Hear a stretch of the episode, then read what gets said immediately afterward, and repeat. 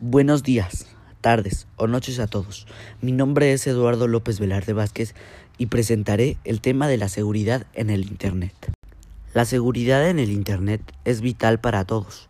Nos puede proteger de robo de información, robo de datos, robo de programas e incluso robo de dispositivos. Es por eso que debes de tener tu dispositivo muy bien asegurado. Cada página web tiene términos y condiciones los que tú debes respetar para tener una facilitación de uso de la página. Al entrar a una página web, tu dispositivo está siendo expuesto a robos e mal uso del software. Es por eso que debes tener copias de seguridad para prevenir perder todos tus datos dentro de este. Cada navegador te ofrece su propio antivirus para proteger a tu dispositivo de cualquier tipo de robo.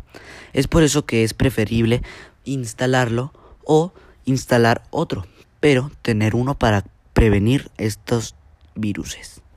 Esta actividad ha sido elaborada el 23 de octubre con el fin de enseñar a todos cuál es la seguridad en el Internet. Gracias por escuchar.